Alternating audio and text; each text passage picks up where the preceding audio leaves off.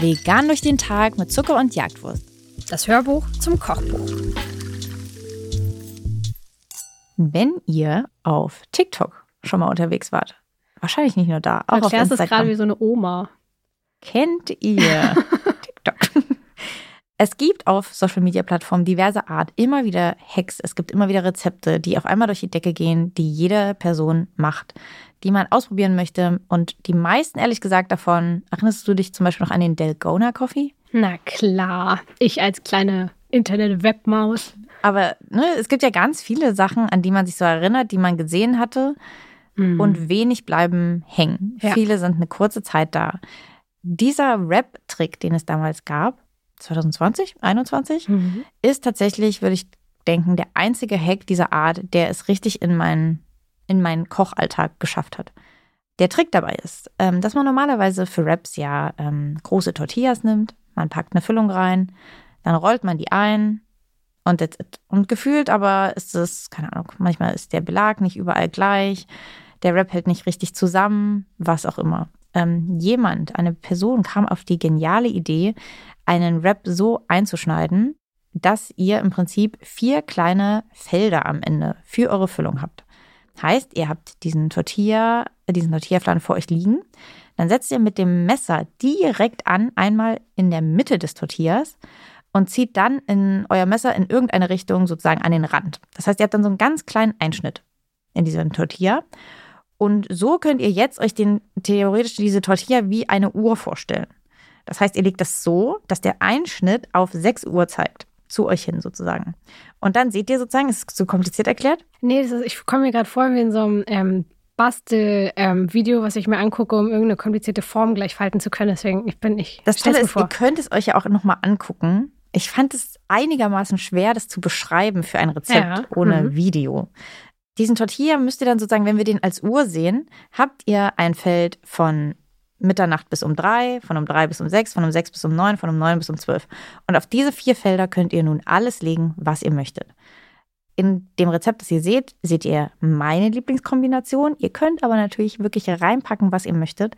Ihr könnt damit sozusagen sehr, sehr gut auch euren Kühlschrank einmal leeren. Ähm, und ich habe seitdem wirklich immer Tortillas zur Hand und ich mache die auch nur noch so. Ich mache mir keine Wraps mehr anders. Mein einziger Tipp für euch wäre, beim Thema veganen Käse, ihn auf unten rechts zu legen. Also auf die Zeit von um drei bis um sechs. Da kommt der vegane Käse hin, denn nachher faltet ihr das Ganze so. Jetzt wird es noch komplizierter. Ihr faltet es so. Habt ihr den Tortilla vor euch? Wir fangen an. Der Strich, denkt dran, zeigt auf um 6 Uhr. Da ist eingeschnitten. Ihr beginnt nun, das Feld von 6 bis 9 nach oben zu falten. Mhm. Auf Mitternacht. Mhm. Von Mitternacht klappt ihr das Ganze nach rechts, also auf Mitternacht bis 3 Uhr. Und dann klappt ihr es nach unten, dass es dann auf dem Feld mit dem Käse liegt. Mhm. Und ich finde, das ist wichtig tatsächlich, damit der ganze Tortilla einigermaßen zusammenhält. Und schmilzt der Käse, damit der Käse wahrscheinlich auch schmilzt. Oder wenn der im Inneren ist.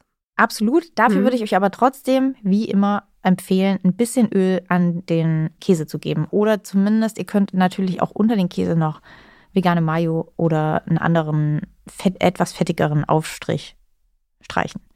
Dann wird er auf jeden Fall schmelzen und das hält das Ganze ein bisschen zusammen. Denn danach, ihr könnt es auch so essen, wenn ihr es roh essen wollt.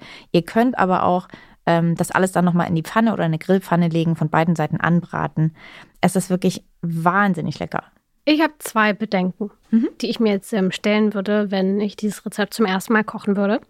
Und zwar erstens, kann ich diesen Wrap zu wenig oder zu viel füllen, sodass ich den sozusagen nicht mehr umgeklappt kriege, weil er einfach zu überladen ist? Also muss ich da schon so ein bisschen ein Gefühl mit der Zeit kriegen, dass, dass ich genug Füllung habe, aber es nicht ein übelstes Mess wird?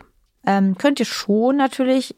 Safe gibt es auch eine Option wahrscheinlich, wo das schwierig wird, aber die Sache ist, dann nimmst du es ja einfach raus. Also, ne, das ist ja was, was man beim ersten Füllen einfach merkt. Wenn ihr das hochklappt und ihr merkt, das funktioniert irgendwie nicht so richtig, dann nehmt ihr halt einen Löffel davon raus und packt den auf den nächsten Wrap schon. Also ist ein valides Bedenken, aber ähm, kann man ganz einfach sich reinfinden. Klasse, vielen Dank. Ich kann mir vor, als würde ich hier Dr. Sommer meine kritischen Fragen stellen. Und meine zweite Frage, wenn ich das dann in der Pfanne anbrate, fällt da nicht die Füllung raus? Nee. toll. Wie? wie das halt nicht mehr. Ich glaube, allein durch diesen Trick eben, wie so auf falt. die Art, wie man das mhm. faltet, Klasse. hält das alles wirklich ganz gut zusammen. Und wie gesagt, der Käse sorgt dann eben auch dafür, ich meine, schaut mal auf dieses Bild. Da sieht man ja, dass der wirklich ernsthaft dolle geschmolzen ist. Mhm. Aber es ist veganer Käse, das kann ich euch versprechen. Da haben wir nicht gecheatet. Das hält wirklich sehr, sehr gut zusammen. Ähm, wie gesagt, wenn ihr da ein bisschen Angst habt, dann unterfüllt es lieber am Anfang. Aber ehrlich gesagt, das, äh, ihr werdet da schnell drauf kommen das Falten ist das, was man erklären muss, aber das habe ich jetzt auch wieder in, erzählt, ohne es euch zeigen zu können. Ihr könnt natürlich einfach ins Internet gehen und dann gebt ihr ähm, Tortilla-Hack oder Rap-Hack ein und dann werdet ihr das auf jeden Fall finden. Dann ist das viel einfacher zu verstehen und dann werdet auch ihr, glaube ich, unter Umständen Raps nie wieder anders essen. Klasse. Ich habe keine Bedenken mehr. Wir können, glaube ich, ähm, weitermachen. Viel Spaß mit diesen Raps.